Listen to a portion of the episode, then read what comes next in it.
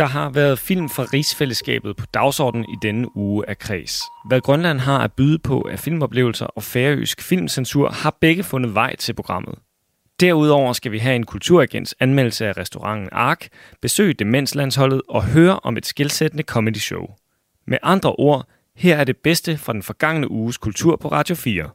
Jeg hedder Toge Gripping, og jeg er journalist og tilrettelægger på Kreds. Jeg har lyttet kredsprogrammerne for denne uge troligt igennem og håndplukket en buket på 55 minutter til dig.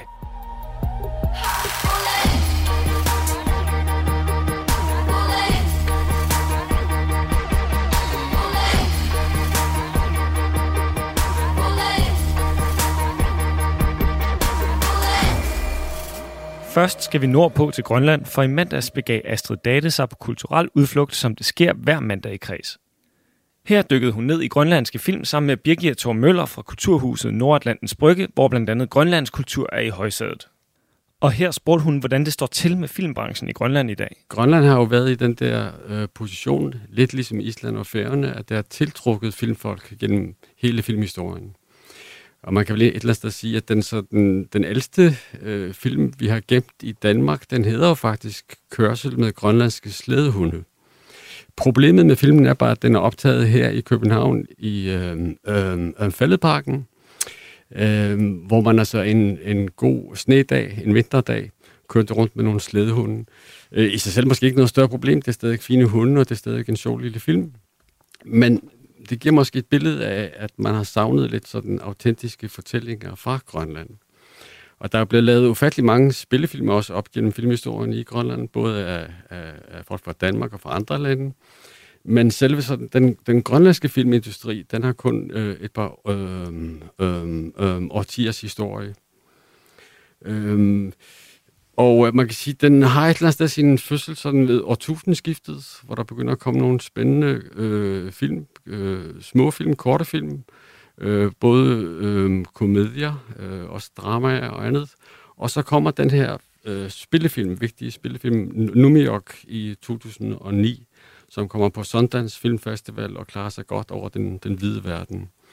Samtidig så opstår der ja, et filmmiljø i Nuuk og en sådan, øh, øh, forening af filmfolk, Film GL, som har en hjemmeside, man kan besøge, hvor man kan blive en del klogere på film fra Grønland. Øh, ud af Film GL, der vokser der også en, øh, øh, hvad hedder det, jeg skulle da sige filmskole, men nej, det er mere nu, nu film, hvad, hvad, hvad værksted, som har fungeret i flere år, som samler unge folk og er med til at, at skabe en god grund for os, den kommende filmindustri, som klart er ved at gro frem derop. Øh, og så er der også kommet øh, øh, Nux International Filmfestival, som har været på benene i cirka fem år, og som samler filmfolk, især måske faktisk den arktiske område fra Kanada og, og andre egne, hvor der er nogle øh, temaer, der ofte går igen med de film, man laver i Grønland.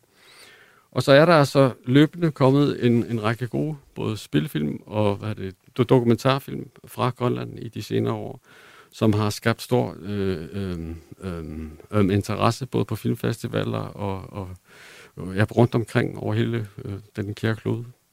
Så der begynder altså at komme grønlandsk produceret film, selvom at øh, de har jo ikke nogen decideret filmskole deroppe, men, øh, men mm. i kraft af det her netværk øh, og interessen, øh, der vokser lokalt for filmproduktion. Hvad mm. er den øh, første film, øh, du har taget med? Jamen, jeg synes måske, man skal lige præcis huske den her film, Numiok, fordi den var ret vigtig uh, på flere fronter. Øhm, den var skabt af en filminstruktør, Otto Rosing, som stadig er aktiv, og har lavet en komedie for nylig, en der hedder Krudt og Kærlighed. Øhm, den skildrede en historie fra, fra den tid, vi lever i. Det var en historie om en mand i Nuuk, som godt kunne lide at, at leve livet og havde sjovt, øh, som pludselig rammes af en sygdom, og får at vide, at han ikke har sådan, særlig lang, lang tid tilbage igen, og som ligesom drager ud for at... Øh, hvad skal man sige, øh, finde sin ro i sit liv og gøre op med de ting, han, han øh, meget, meget, meget måtte have gjort. Og øh, ja, altså finde sit, sit hvad er det, ståsted, inden han skal sige øh, øh, farvel. Og det var ikke bare en, en, en smuk historie og en smuk film. Øh, den var også lavet i en, i en meget sådan, øh, fin ramme. Øh, det var en, øh, og den kom ret vidt omkring og skabte selvfølgelig stor interesse om Grønland som et filmland. Øhm, så var det selvfølgelig også øh, specielt, at nu, at nu havde man en film, der var produceret i Grønland med grønlandske skuespillere og på grønlandsk osv., at man ligesom fik sin, sin egen historie fortalt. For jeg tror ikke, altså man, man skal ikke være i tvivl, at selvfølgelig har man altid været også øh, følt sig øh, øh, øh, glad og, og, og, og været beæret, når der kom øh, filmfolk fra andre lande og ville skabe film i Grønland. Men der er jo ofte sket det, som vi måske også kender herhjemme, at når der kommer en stor Hollywood-produktion, eller der nogle andre film, filmfolk og, og, og, og, hvad hedder det, og, og laver en, øh, en, en, en stor film, at når man så ser filmen, så kan man måske ikke helt kende sit liv igen på det store lærred. Og det tror jeg har været øh, ret sigende gennem hele det sidste århundrede i Grønland, altså at, at, øh, øh, at, der, at, der, at der jo har været øh, en del film, men at de har ikke helt kunne spejle sig i de der historier, der blev vist på det store lærred. Og der er Numiok altså et eksempel på det modsatte. Ja, der, lige der. præcis. Ikke? Jeg har faktisk et klip her fra traileren, jeg lige synes, vi ja. skal høre, så vi kan fornemme mm. stemningen af den. Gamani, بشون يسوي القامة بيجي لما نعياش أنا عبيد سيدي Vi تبان بيتشالي om det. Vi. Vi blev enige om, at vi skulle gemme krudtet til i aften. Carsten havde skaffet Viagra. kan ikke få den op at stå? Jeg skal da bare lige få at prøve det, ikke? Det siger, man bare skal tænke på en brystvort, og så man stiv pik i 8 timer.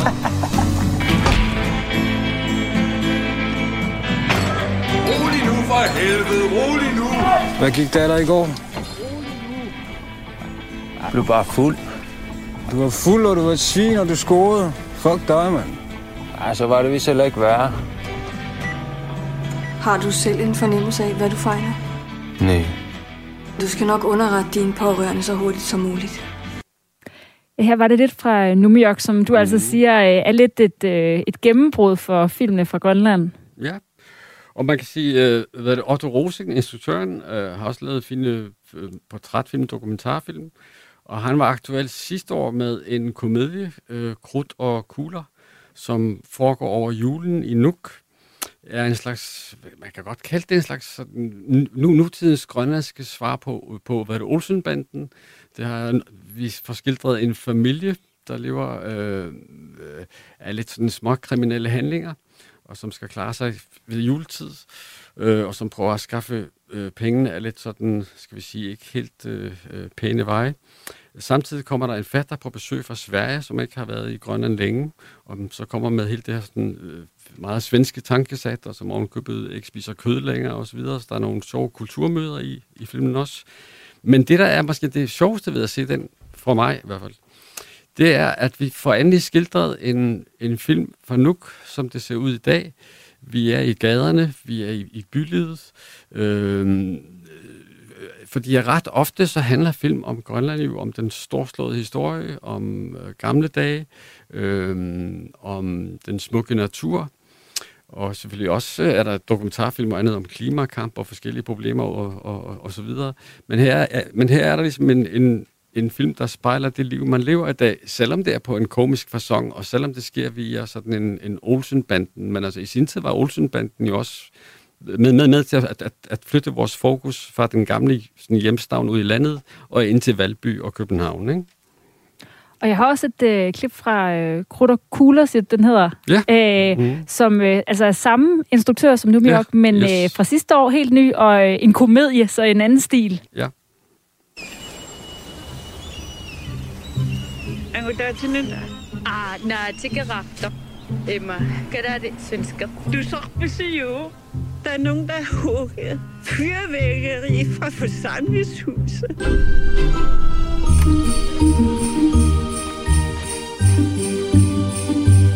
Jeg tror, vi alle sammen springer i luften.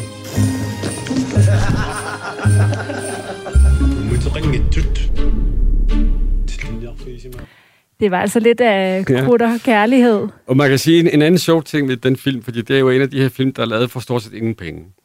Og der kan man se, altså hvis man nu kender lidt til det filmmiljø, der er i Grønland, så, kan man, så kender man stort set alt, der, der spiller med eller andet. Og der er blandt andet filminstruktøren øh, hvad er det, Nivi øhm, øhm, øhm, Pedersen, som spiller en af, af de smukke roller i filmen.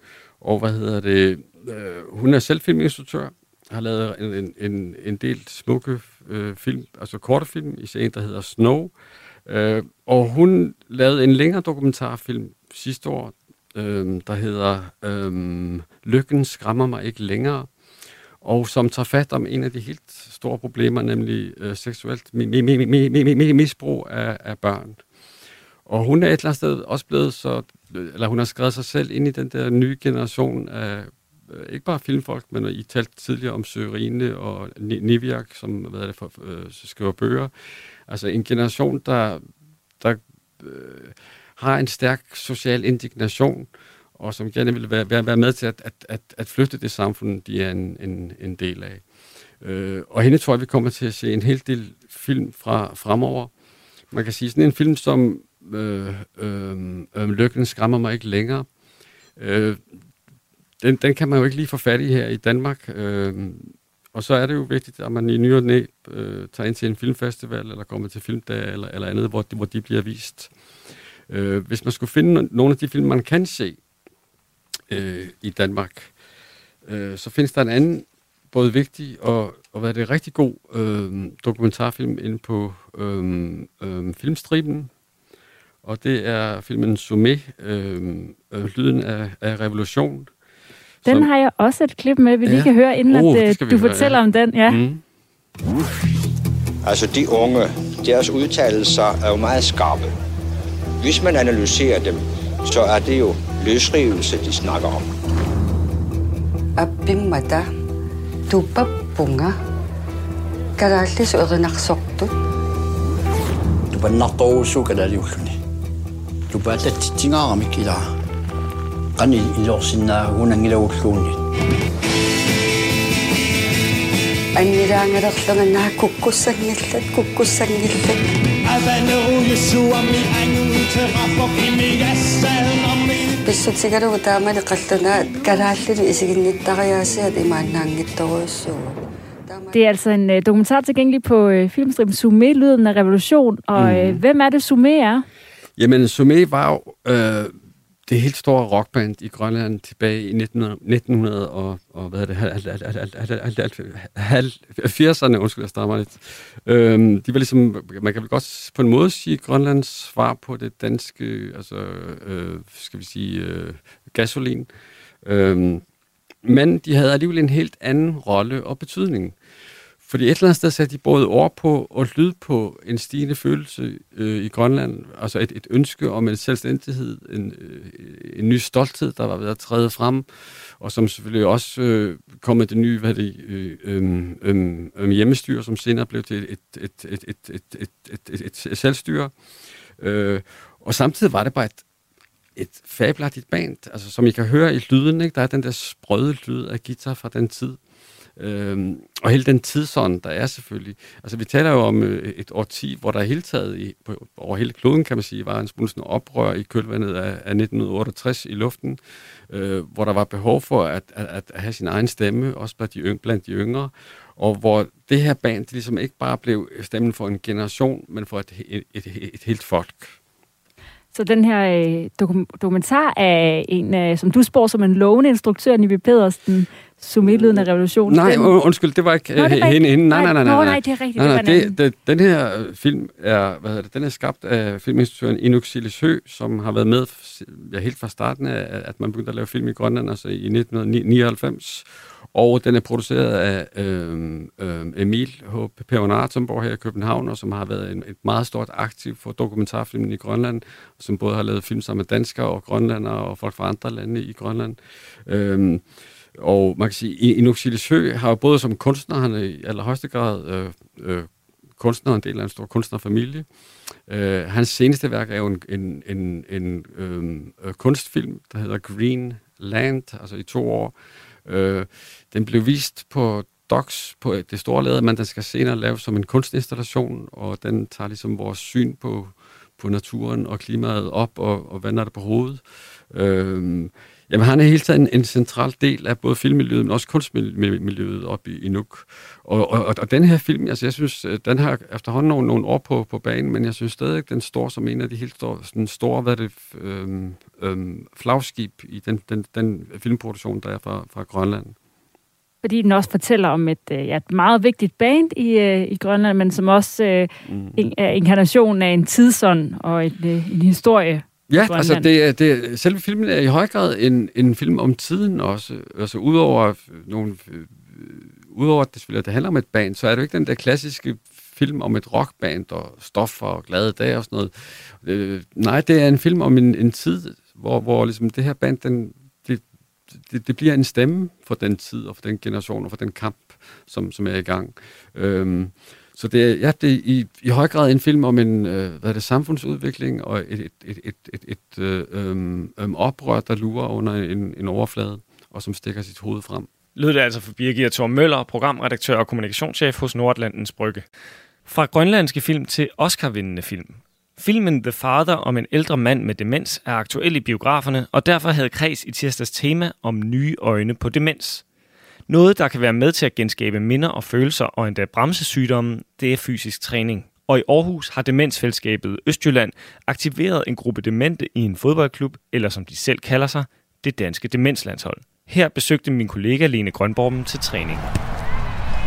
Så kommer hammeren. Jeg hedder Pia, og jeg er 58 år, og jeg fik konstateret Alzheimer's for lidt over et år siden. Og hvordan påvirkede det dig for det at vide? Det var forfærdeligt. Det, altså ma- mange i min familie har det, men jamen, det påvirker meget, fordi man kommer lidt uden for samfundet, og jeg synes, skal være helt ærlig, så bliver man, kan man godt blive ret ensom. Fordi ens venner og familie, de fortsætter bare med arbejde, og alt, især nu her, hvor der er blevet lukket op, og så sidder man derhjemme og er meldt syg, og, så man skal i hvert fald vende sig til det. Kan du prøve at sætte nogle ord på, hvordan det sådan påvirker din hverdag? Hvad er det for nogle ting, du synes, der er svære nu? Det, der er svært for mig, det er at organisere. Altså at få lavet nogle aftaler, og ja, bare det at få gjort rent derhjemme, og sådan nogle ting, det påvirker mig meget. Jeg kan ikke ret meget mere. Så øh, det, det er det, det påvirker mig mest. Og så i forhold til mit sociale liv. Fordi jeg kan heller ikke være ude lang tid ad gangen. Så bliver jeg meget træt. Hvordan kan det være, at du har valgt at sige ja til at være med i det her arrangement med at spille fodbold sammen med andre? Det var altså også øh, en overvindelse. Fordi vi er også sammen nede på demenshjørnet. Og i starten der tænkte jeg, ej, jeg skal altså ikke være sammen med sådan nogle gamle demensmennesker. Men så er jeg startet og startet til det her fodbold, og det er så fantastisk. Vi elsker alle sammen at spille fodbold og har gjort det før. Og man griner, og man er glad, og man glemmer sin sygdom for et stykke tid. Og det er fantastisk. Plus at vi kan godt grine af hinanden, hvis vi kommer til at gøre et eller andet, fordi vi er demente. Eller, og det hvad, hvad kunne det være, man kunne komme til at gøre? Jamen for eksempel, hvis øh, vi havde en på holdet før, som kom til at drible den forkerte vej, og det kan jo ske for os alle sammen, altså at man glemmer, hvor målet er.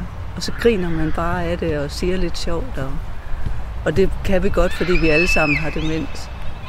Nu har jeg stået lidt og kigget på i spillet, og jeg synes jo også, at jeg kan fornemme, at I har ret meget humor sammen. Ja, det har vi rigtig meget. Vi kan grine rigtig meget sammen og sige sjove ting, og det er altså også dejligt. Det er det. Men vi er også alle sammen først i sygdommen, så vi har stadigvæk noget hjerne tilbage. Og hvilke overvejelser gør du der så om altså, de år, der kommer?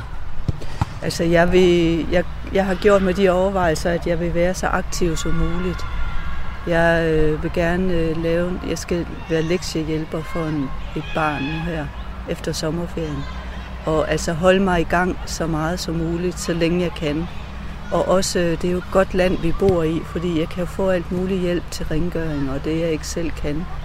Så jeg vil leve livet så godt jeg nu kan med de mennesker, der er rundt om mig og de ting, jeg magter at gøre.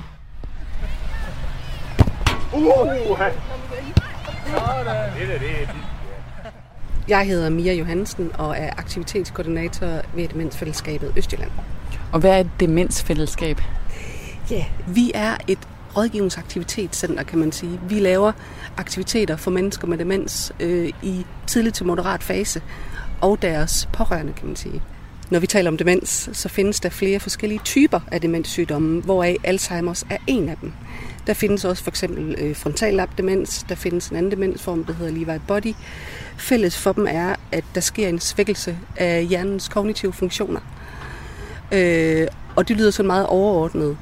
i virkeligheden kan man sige, når en øh, demenssygdom ligesom udvikler sig, så vil man opleve øh, svækkelse på øh, rigtig mange af hjernens øh, funktioner.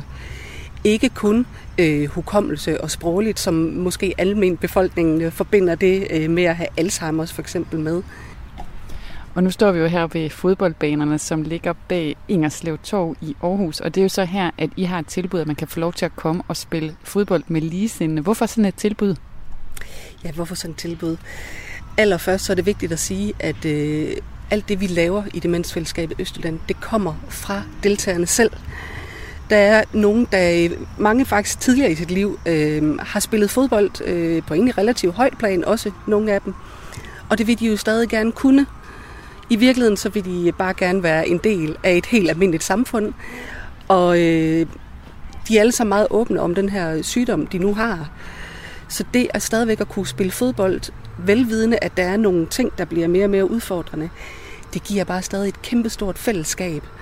Øh, og så er der bare helt vildt god humor også på det her fodboldhold. Så det er med til at fagne, øh, at vi vil gerne samles om noget, vi tidligere har kunnet og stadig godt kan med de udfordringer, vi nu har. Og det jeg jo så noterer mig, når jeg står og kigger på dem, det er jo, at de faktisk er ret gode fodboldspillere. Så hvorfor kunne de ikke bare fungere på et almindeligt hold, hvis man kan sige det på den måde? Det er der faktisk nogle af vores deltagere, der tidligere selv har øh, sat ord på. Noget af det handler om, at der er jo øh, indimellem nogle ting, hvor de godt kan mærke, at de begynder at fungere lidt langsommere, også rent motorisk.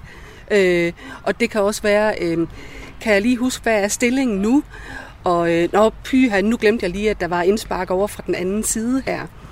Det er fuldstændig ligegyldigt, når man spiller på det her hold, som de jo selv kender for demenslandsholdet. Jo, med skinneben. Jeg hedder Jens Møller, og jeg har haft øh, Alzheimer's sygdom øh, nok siden 15, og, sådan, og den er blevet øh, erkendt sådan i, øh, da, i 17 cirka.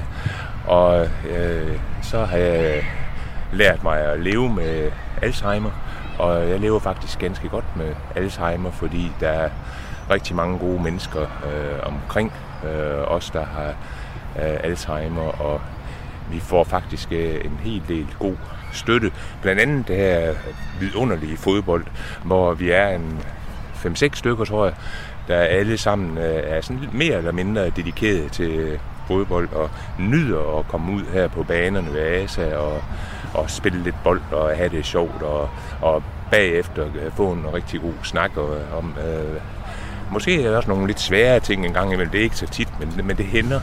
Ikke? Og det er, jo, det er jo også meget vigtigt, at, øh, at vi tager de lidt sværere ting. Det, der er det gode ved Alzheimer, kan man sige, det er, at man på en eller anden måde bliver væsentligt mere indskrænket, og øh, ens rejseløst for, for eksempel, ikke også, ikke? Den, øh, den, den svinder ganske langsomt, ikke også, ikke? Men øh, sådan, at man ikke længere behøver at skal jorden rundt, og, og øh, som det er nu, ikke også, ikke? Så, så kan en, en stor udfordring jo være bare at, at hvis man skal til en tur til Skanderborg eller, eller sådan et eller andet. Øh, det, det, det, det er en, en jævn fremadskridende øh, sygdom, ikke også? Ikke? Men, øh, men øh, bare man øh, indretter sig efter sygdommens præmisser, så, så synes jeg i hvert fald, at man kan leve et godt liv med den øh, sygdom.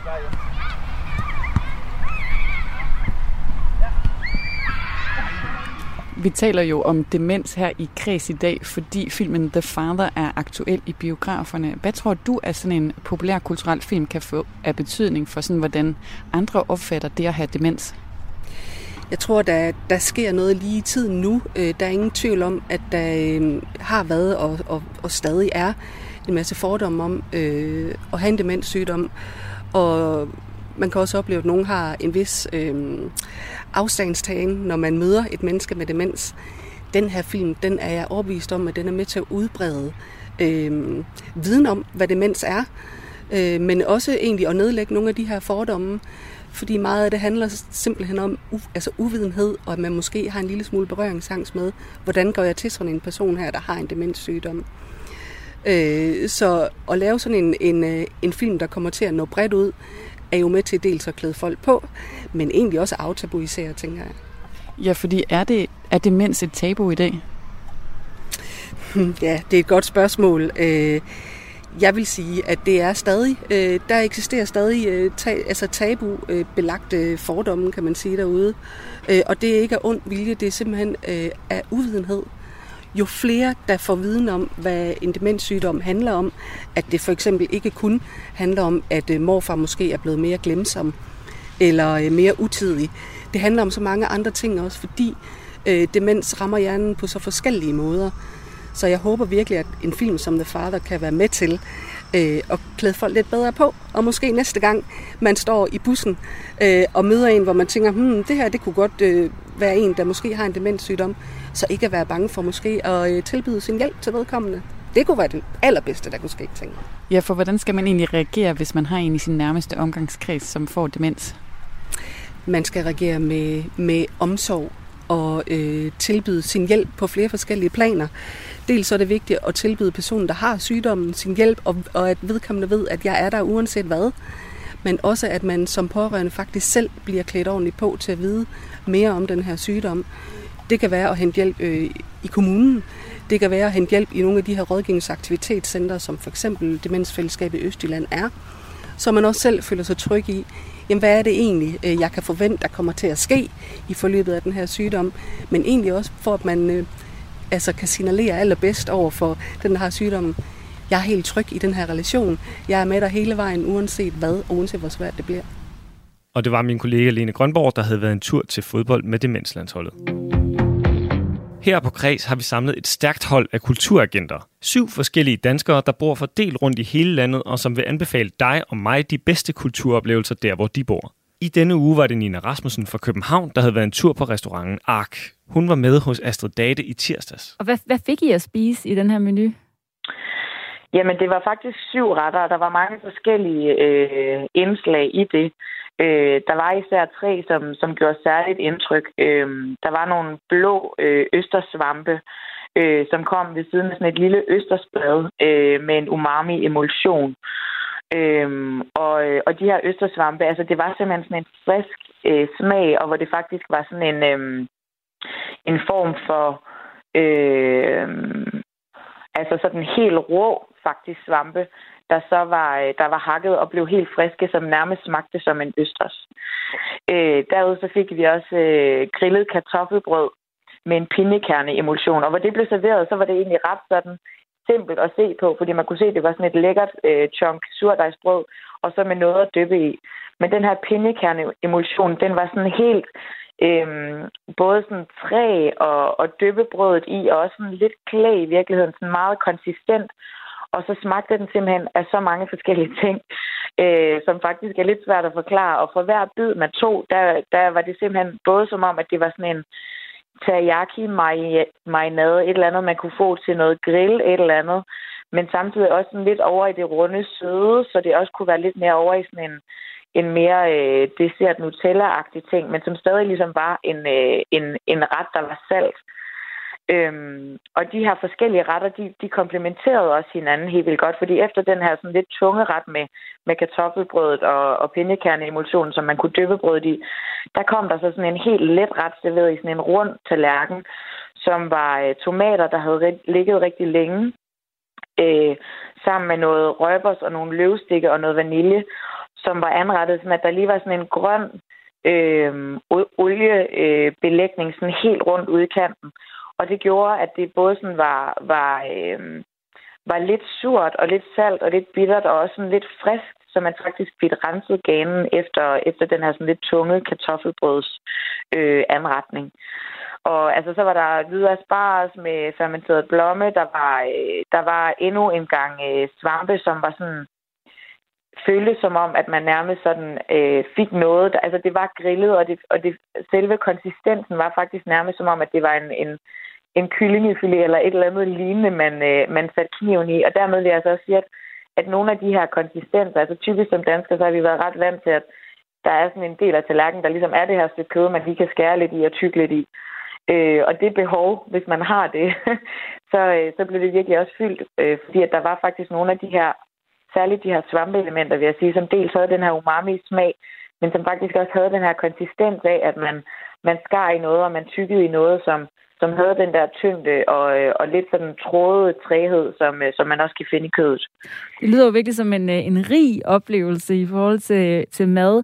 Men hvis man nu er sådan en, der bare er virkelig glad for øh, kød og grillpølser, tror du så, at man ville nyde en oplevelse på øh, Ark, som du har gjort?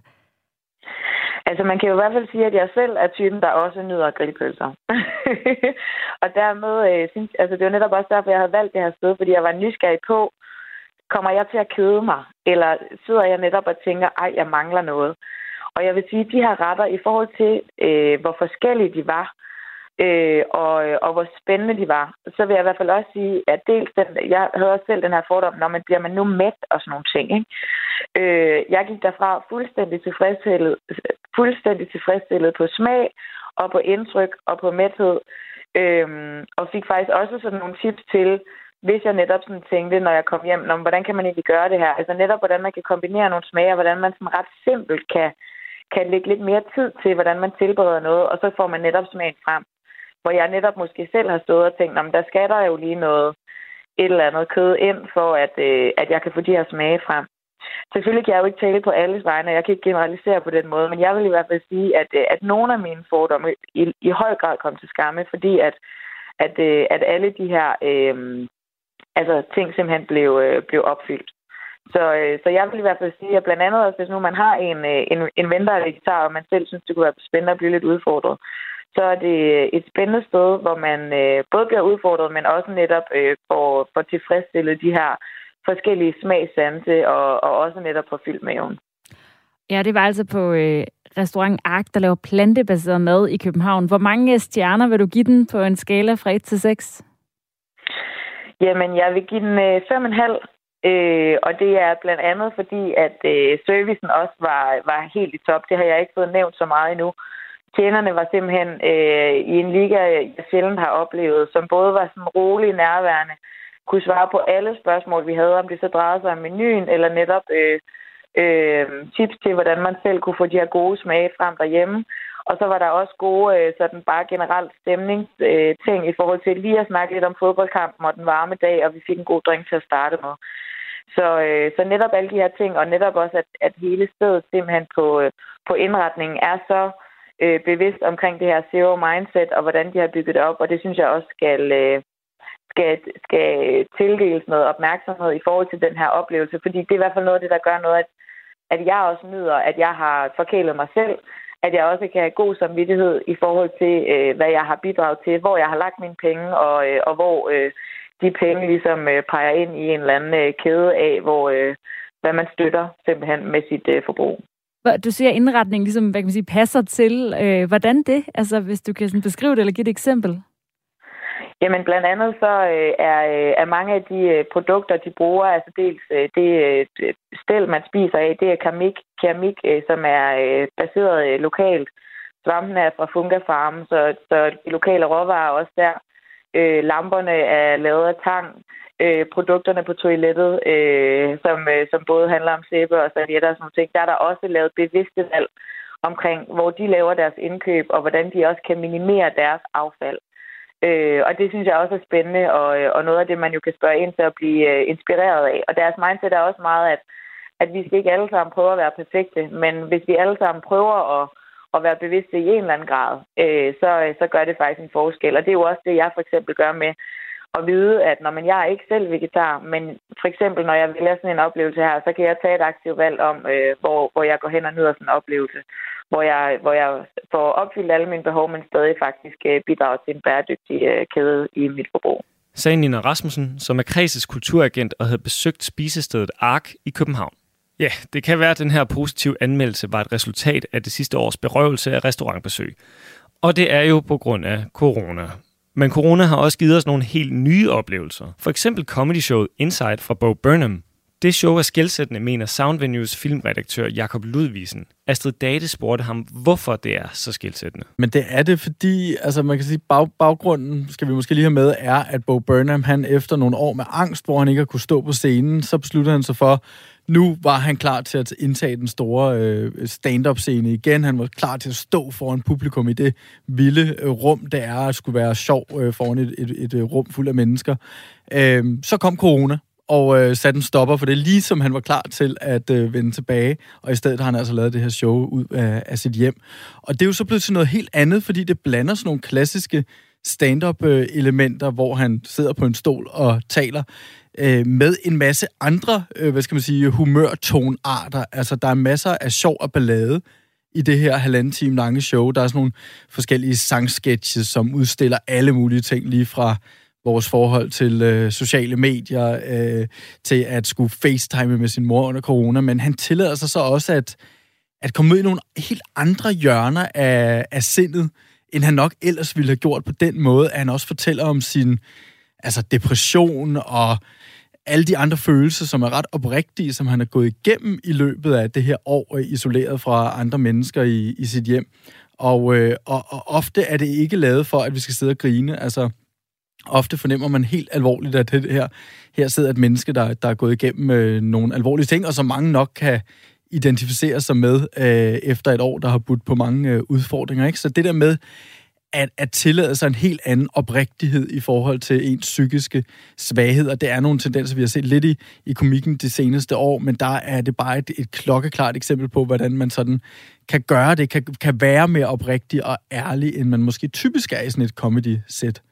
Så når du siger, at det er anderledes, end hvad man ellers har set, så er det fordi, at det er comedy, hvor at man ikke skal grine, lyder det nærmest som om. Jo, man, man griner bestemt undervejs, men der er bestemt også perioder, hvor du sidder med alle mulige andre følelser af klaustrofobi, af, af nedslåenhed, af opgivenhed, af, af fremmedgørelse over for, for en verden, hvor at vi har oplevet hele virkeligheden gennem vores skærme øh, i, sådan primært det seneste år, som også sætter sig, synes jeg, urovægtende i kroppen på en helt anden måde, end comedy normalt gør, fordi at stand-up jo sådan typisk vil have den her forløsende punchline, som lige tager al, øh, alt det der, det der følelse af ubehag ud af os. Ikke? Det får vi ud med latteren, men, men det gør vi bestemt ikke altid her. Det er også øh, det er meget øh, altså sådan catchy show, det er et sjovt show, men det er også urovækkende. Jeg har et eksempel på et nummer, hvor at han øh, stiller spørgsmålstegn ved, hvad han som hvid mandlig komiker egentlig har at bidrage med. Det kommer her. I'm a special kind of white guy. I self-reflected and I wanna be an agent of change. So I am gonna use my privilege for the good. Very cool, way to go. American white guys. We've had the floor for at least 400 years. So maybe I should just shut the fuck up.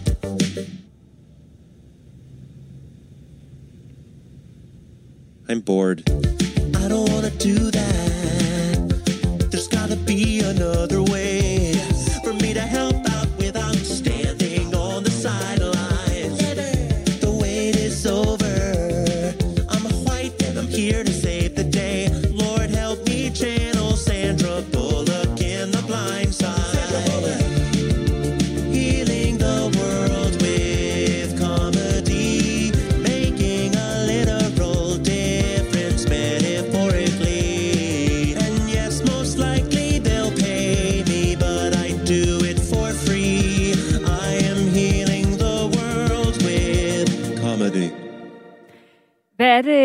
der er særligt ved det her nummer?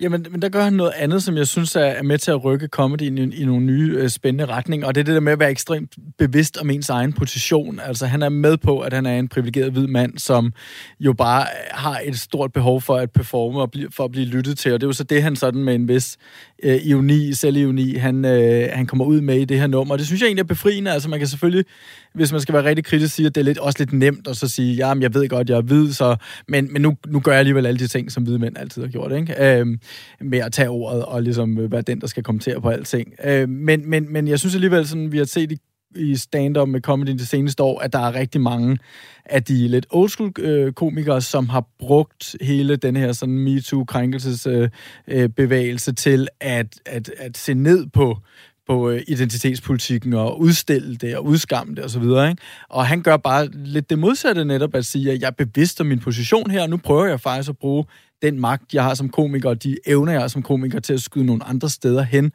øh, fordi jeg godt ved, at, at, ja, at, at verden er under, under forandring. Ikke? Så de ting, han går grin med, er mere, altså et nummer, der hedder White Woman's Instagram, som handler meget om den der sådan, ja, privilegerede hvide mennesker, som ikke har de store øh, problemer i verden, og, og, og, sådan, han, og, og, og, og fluffy reklamefolk, der prøver at, at lade som om de gør noget godt for, for verden, men i virkeligheden jo bare vil sælge et produkt, og sådan den type ting retter han så blikket mod i stedet, og det, det synes jeg virkelig er, er skønt at se. Ja, så Ja, hvis du lige vil uddybe det egentlig, altså hvad er det ligesom, øh, der er forskellen på øh, comedy, hvad kan man sige, før og efter? Altså hvad er det i forhold til, hvad han gør anderledes, for eksempel identitetspolitikken og MeToo og sådan nogle emner, der er fyldt meget, at, øh, at så, så bliver comedyen brugt til at se ned på det, hvor, hvad er det, altså hvad er det, han gør? Hvordan forholder han sig til emnerne i stedet? Jamen, det, men det gør han ved, ved dels at være sådan bevidst om sin egen position og synge om, hvad, altså gør komikken overhovedet nogen forskel i den her verden, hvor, hvor der er så mange problemer efter et år, hvor at der måske ikke har været så meget at grine af. Altså, og her kommer jeg som komiker så og egentlig bare vil, vil underholde, og, og jeg vil gerne lave noget satire på verden og sådan noget, men, men spiller det overhovedet nogen rolle? Og det er jo det, han synger om i det nummer, vi lige, lige hørte øh, lidt om nu her på en jo meget sådan sjov øh, og ironisk øh, måde. Ikke? Og så, men så synes jeg, han lever op til det, fordi at han ikke gør det, som mange komikere har gjort de seneste år, som er sådan noget øh, øh, komik, der går på, og hvor det også latterligt øh, med det her LGBTQI og, og alle de her bogstaver, vi ikke kan finde ud af, og det, ej, og nu må vi ikke sige noget mere. Og alle de her sådan, det, det, det blev sådan nogle lidt kliché-reaktioner på identitetspolitikken, som jeg synes, der har været i komikken, hvor han bare viser, at det kan sagtens være, være, være sjovt, øh, selvom man, at, at man skyder sit komiske skyts et, et andet sted hen. Og det, det er han ikke den eneste komiker, der har gjort de seneste år. Øh, så det er ikke kun der, at showet er skilsættende. Det er så i, i, hvad skal man sige, i samklang med hele måden, det er lavet på, i, i hele det her altså hjemmebrygget format, hvor at han selv har klippet og filmet og sat lys og det hele.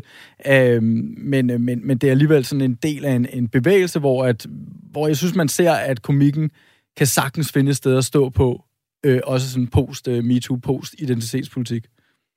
Jamen, det lyder meget interessant, det der med, at, øh, at, at det, han siger, er nærmest, at jeg har ikke set showet, som du måske ikke høre, men at det lyder nærmest som om, man siger, at øh, der er mange ting, der ikke er sjove. Altså, der, der ligesom bliver ryddet ud i, at, altså, at, at den måde, vi laver sjov med det på, at, øh, altså, altså, det der med, at, at jeg tænker bare, at genren comedy og komedie er jo, at man griner, er jo netop det her forløsende.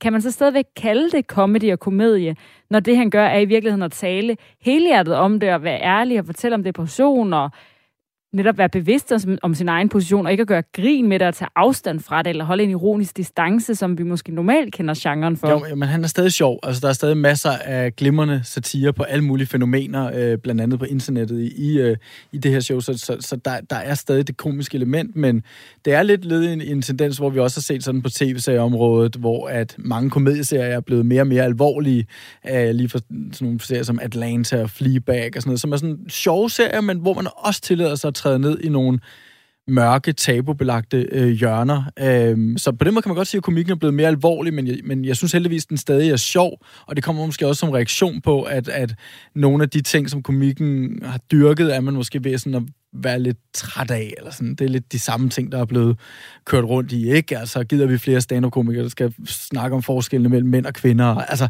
vi har, vi har ligesom været der på nogle af de områder, så jeg synes også, det er sådan forløsende, at der kommer nogle komikere, der, der, der, der, ja, der ser noget verden fra nogle lidt andre vinkler. Siger det også noget om, at vi er i en tid, hvor vi heller ikke er så bange for at tale om øh, de mørke ting? Altså når sådan noget her kan blive øh, populært og få så meget øh, plads. Også øh, det her det er comedy. Jeg tænker også på sådan en øh, kæmpe popstjerne som øh, Billie Eilish, der jo også synger om, i virkeligheden om nogle meget sådan... Øh, øh, ikke sådan øh, happy-go-lucky-agtige sange. Jamen, det, det tror jeg helt sikkert. Altså, det, det er jo ligesom, hvor meget vi end kan, kan udskille sociale medier for at øh, være overfladiske osv., så, videre, så har det jo også gjort, at der er altså, noget af det der filter mellem øh, altså, til det, til det tabubelagte er blevet nedbrudt lidt, og Bo Burnham har til lidt nummer, som var den, jeg nævnte før omkring White Woman's Instagram, som egentlig langt hen ad vejen sådan lidt gør grin med, hvor, altså, hvor, hvor overfladiske sådan lidt partyspillere det er, der bliver lagt op på Instagram. Men så lige pludselig afbryder han nummeret og kommer med 20 sekunder, hvor at denne her fiktive kvinde, han synger øh, som i sangen, øh, laver en meget rørende hilsen til sin afdøde mor og fortæller om, hvordan hun er kommet videre med livet og sådan noget. Hvor han han netop, netop rammer det der sådan spænd mellem, at sociale medier kan være dybt overfladiske og irriterende, men nogle gange kan der også komme nogle ekstremt rørende og, og personlige ting frem, som vi måske ikke havde set, hvis vi ikke havde haft de her øh, medier udtrykke, sig, øh, udtrykke os igennem. Så, så jeg tror helt klart, der er jo en tendens i tiden til, at, ja, at vi godt må smide det, det intime lidt mere op øh, på bordet, og, og det er så også det, vi ser i noget af komedien. Så hvordan er han med til også at øh, opløse genren lidt, øh, altså den her stand-up-genre som form? Jamen, jamen, det er jo så også fordi, at han, altså, det, det er jo på mange måder, er det jo mere et filmet teaterstykke, mere end det klassisk comedy. Altså, klassisk stand-up er jo en mand, der sætter sig op på en scene og fortæller noget sjovt, ikke? Øh, det her er jo, er jo, det er jo, det er jo filmet, det er, øh, det, det er et one-man-show, øh, hvor han styrer alle, alle facetter af det, og det, det håber jeg ligesom sådan, at altså, stand-up'en vil jo stadig være stand-up, hvor der skal stadig sælges nogle billetter til nogle sale, hvor, øh, hvor, hvor nogle sjove folk træder, træder op på scenen, men måske kan man sådan bruge nogle af de her innovative greb til at ja, tænke det lidt anderledes. Altså, måske kan man inkorporere nogle andre øh, elementer, måske kan man træde ud i nogle, nogle andre hjørner, og det synes jeg i hvert fald, Bo Burnham viser sådan øh, noget af vejen. Sådan lød det altså, da filmredaktør på Soundvenue Jakob Ludvigsen skulle give en vurdering af comedy-showet Inside fra Bo Burnham. Skældsættende var netop et af de ord, Jakob Ludvigsen brugte om Bo Burnhams show. På Færøerne sker der også skældsættende begivenheder i filmbranchen, men dog med et lidt mindre positivt fortegn. To færøske film har fået frataget støtten alene på den færøske kulturminister Jenis Abranas foranledning. Og det er altså var kritik, at ministeren her ene og alene kan beslutte, hvilke film, der får færøsk filmstøtte. En af dem, der har hævet stemmen, er den færøske filminstruktør Andreas Høgeni. Astrid Date spurgte ham, om det er censur, det der foregår på Færøerne. Rent juridisk øh, har ministeren ikke øh, forbrudt sig mod øh, lovgivningen, men som lovgivningen er skruet sammen nu, så er det censur. Fordi at det er på nuværende tidspunkt det eneste nordiske land, hvor at øh, en politisk valgt minister går decideret ind og blander sig i øh, konsulent, øh, eller filmkonsulentens arbejde øh, med at fordele filmstøtten. Så det er censur, og det fører også videre til selvcensur blandt færøske filmfolk. Men kan man ikke i første omgang sige, at det er bedre, at det er en demokratisk valgt politiker, som træffer de her beslutninger, der kan skiftes ud, snarere end det er for eksempel en lukket klub af statsligt ansatte rådgiver eller kulturfolk, der beslutter, øh, hvad der må få støtte og hvad der ikke må? Jo, men de her filmkonsulenter øh, i det færøske støttesystem bliver faktisk skiftet ud hver andet år, hvor der er løbende evalueringer, hvor de står til ansvar både for ministeren, men også det færøske filminstitut. Problemet med, at det er en politisk valgt øh, minister, der går ind og blander sig i sagen, det gør jo, at så er det ikke længere et spørgsmål om kvalitet, men at det er om decideret personlig smag for en minister. Og det er i hvert fald første gang nogensinde på færgerne, siden vi fik filmstøtten, at en minister gik ind og blandede sig, og jeg tror også, at og decideret nægtede danske spilfilmstøtte, så tror jeg også, der ville opstå et, et ramme. Og du faldt lidt ud, men uh, du siger, der vil opstå et ramaskrig, uh, hvis det skete noget lignende i Danmark. Ja. Og du nævnte også selvcensur. Altså, hvordan påvirker det uh, færøske filmskaber som dig selv, at uh, kulturministeren groft sagt kan censurere indhold, der ikke huer ham ved at fratage støtten til et uh, filmprojekt? Jamen, det gør, at man bliver sådan pinligt bevidst om, hvad egentlig kravene er for at lave film. Det handler ikke bare om at lave den bedste film, men det handler om også at skulle lave et projekt, der falder i den gældende ministers smag. Så man begynder at stille spørgsmålstegn til, okay, kan jeg tillade mig at lave en film, som omhandler om abort på færøerne? Eller kan jeg lave en film, hvor der bliver bandet for meget? Så det er pludselig nogle helt andre parametre, hvor man pludselig begynder, hvis at man er i hvert fald fare for, at begynde at, at ændre sine egne projekter, for at ikke risikere censuren. Vil det også få indflydelse på dine projekter fremover? Det er i hvert fald skal have tung lige i munden i forhold til de projekter, jeg søger, hvor jeg søger støtte ved det Færøske Filminstitut og øh, det Kulturministeriet. Og er det, ja, politikerne, kulturministeren, som øh, I instruktør er bange for at gøre vrede eller utilfredse med, med det, I laver? Jamen, altså, i sidste ende så er det jo en dialog, men når at ministeren har decideret sådan sagt, at han personligt skal stå inden for alle de film, der får støtte af den færøske filmfond, så betyder det jo også det, at man netop bliver bange for, hvad sker der så, hvis man falder uden for den kulturkonservative smag, som der bliver lagt for dagen. Og det medfører bare en større chance for, at der ikke er øh, mangfoldighed i det færøske filmsprog. Og hvor vigtige er de her støttekroner? Kan man så ikke bare sige, Nå, så laver jeg bare min egne film, uden at øh, der er en kulturminister, der skal sige god for dem at give støtte i første omgang? Jo, men øh, problemet er, at det her er den eneste fond, som er decideret til færøsk fiktion. Så kan man jo man kunne lege med tanken om at, at søge støtte ude i, i landet videre, men når det handler om decideret især øh, udvikling og støtte til at skrive manuskripter, så er det her den eneste fond, der er til færøsk fiktion. Jeg tror, det Danske Filminstitut har på nuværende tidspunkt en pulje til dokumentar på færøsk, men som situationen er nu, så har den færøske kulturminister øh, monopol på produktion af færøsk øh, fiktion. Dansk Filminstitut, de er også bekymrede over den her udvikling. Øh, Claus Ladegaard, han siger til øh, Kulturmonitor, at det er svært at se, hvordan vi skal samarbejde med det færøske filminstitut på den her baggrund. Og Andreas Høni, hvilke konsekvenser vil det have for mm. færøske filmskaber, hvis Dansk Filminstitut dropper et uh, samarbejde med det færøske? Jamen, det forhindrer færøsk films øh, vej ud i, øh, i den store filmverden. Fordi på øh, Færøerne har stadigvæk en ret ung filmkultur, hvor vi stadig er ved at finde fodfæste. Og det betyder så også det, at hvis det er, at vi får svært ved at finde internationale samarbejdspartnere, så har vi også svært ved at komme til... Vi får også sværere ved at få vores film ud på festivaler. Og det gør jo, at vi øh, sprog i levende, øh, sprog og kultur i levende billeder, hvilket jeg synes, vi er ufattelig synd.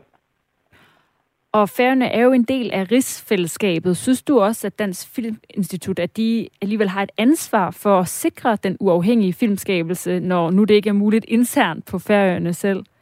Jeg vil i hvert fald øh, blive umådeligt taknemmelig, hvis at der blev besluttet at lave en ændring i lovgivningen. Altså, min erfaring med Dansk Filminstitut er, at de er nogle ufattelig kompetente og dygtige mennesker, som sidder øh, med et meget svært arbejde og skal finde ud af, hvordan man forvalter skatteydernes kroner i forhold til filmkunst. Og problemet er bare, på nuværende tidspunkt, så er der jo et sprogkrav, som hvilket besværliggør produktion af film på færøsk. Så jeg vil øh, selvfølgelig blive ufattelig glad, hvis det var, at det danske filminstitut ville hjælpe den her del af rigsfællesskabet, som desværre står i en lidt betændt situation, som er lidt svær at løse. Og der, det er jo to film, der har fået trukket støtten øh, på færøerne inden for det sidste halve år. Hvis du kigger frem, hvor, hvor tror du så, at øh, færøsk filmskabelse bevæger sig hen, som det er lige nu? Jamen, hvis der er en ting, jeg altid har været dybt fascineret af med færøsk film, det er, at den er lavet ud af en meget bred politisk palette. Så vi har både højorienterede filmskaber og venstreorienterede filmskaber og altså apolitiske. Jeg er bare bange for nu, at man begynder at fra politisk side at stemple, hvad for noget filmkunst er acceptabelt. Og fordi at kulturen er så lille, så er jeg bare bange for, at folk begynder at blive nervøse i forhold til, at de netop begynder at, at ændre i deres sprog og i deres tilgang til filmene, for at kunne få fat på de penge, som virkelig er øh, livsnødvendige for at få fortalt de færøske historier. Så jeg er dybt bekymret. Hvad tænker du, at, eller hvad er dit indtryk af, at færgerne mener om, om den her øh, form for øh, styring med, hvad der er i, øh, i de færøske film? Mit indtryk er, at færinge som helhed er generelt ret farvet over det her. Man skal tænke på, at den, øh, den færøske filmfond øh, er blevet forvaltet både af højorienterede og venstreorienterede øh, kulturminister øh, igennem mange år. Så det er ikke fordi, at der er en eller anden form for, at det, det er ikke en, et, et fløjbaseret øh, problem. Så jeg kender bare rigtig mange, som er, er dybt frustreret over, at både den færøske regering, men især Kulturministeriet sanktionerer den her form for forvaltning af, af færøsk filmkunst. Og hvad er næste skridt for de færøske instruktører i forhold til at øh, komme af med det her, øh, øh, de her rammer, som øh, de oplever, der er blevet lagt ned over deres filmproduktion? Jamen, det eneste, eneste vi kan gøre, det er at larme og håbe, at der er nogen, øh, der hører os ude i den store verden. Fordi at øh, nu har øh, sådan, øh, regeringen valgt at sanktionere den her form for opførsel, så vi kan selvfølgelig håbe på, at ministeren skifter mening. Jeg tror bare, det er meget usandsynligt. Og jeg tror også, det er relativt usandsynligt, at den færøske regering kommer til at øh, blande sig, eller at øh, gennemtvinge en ændring. Så vi, det eneste, vi sådan håber på på nuværende tidspunkt i værste fald, det er, at der sker øh, enten en, en parlamentarisk ændring ved næste valg, eller at der er nogen, der også har lyst til at blande sig i debatten udefra, uden for det færøske. Og det var Andreas Høgeni, der sagde det her til Astrid Date. Det var alt, hvad vi nåede her i klip fra ugen på Kreds. Du kan selvfølgelig finde alle programmerne som podcast på vores hjemmeside radio4.dk eller i vores app.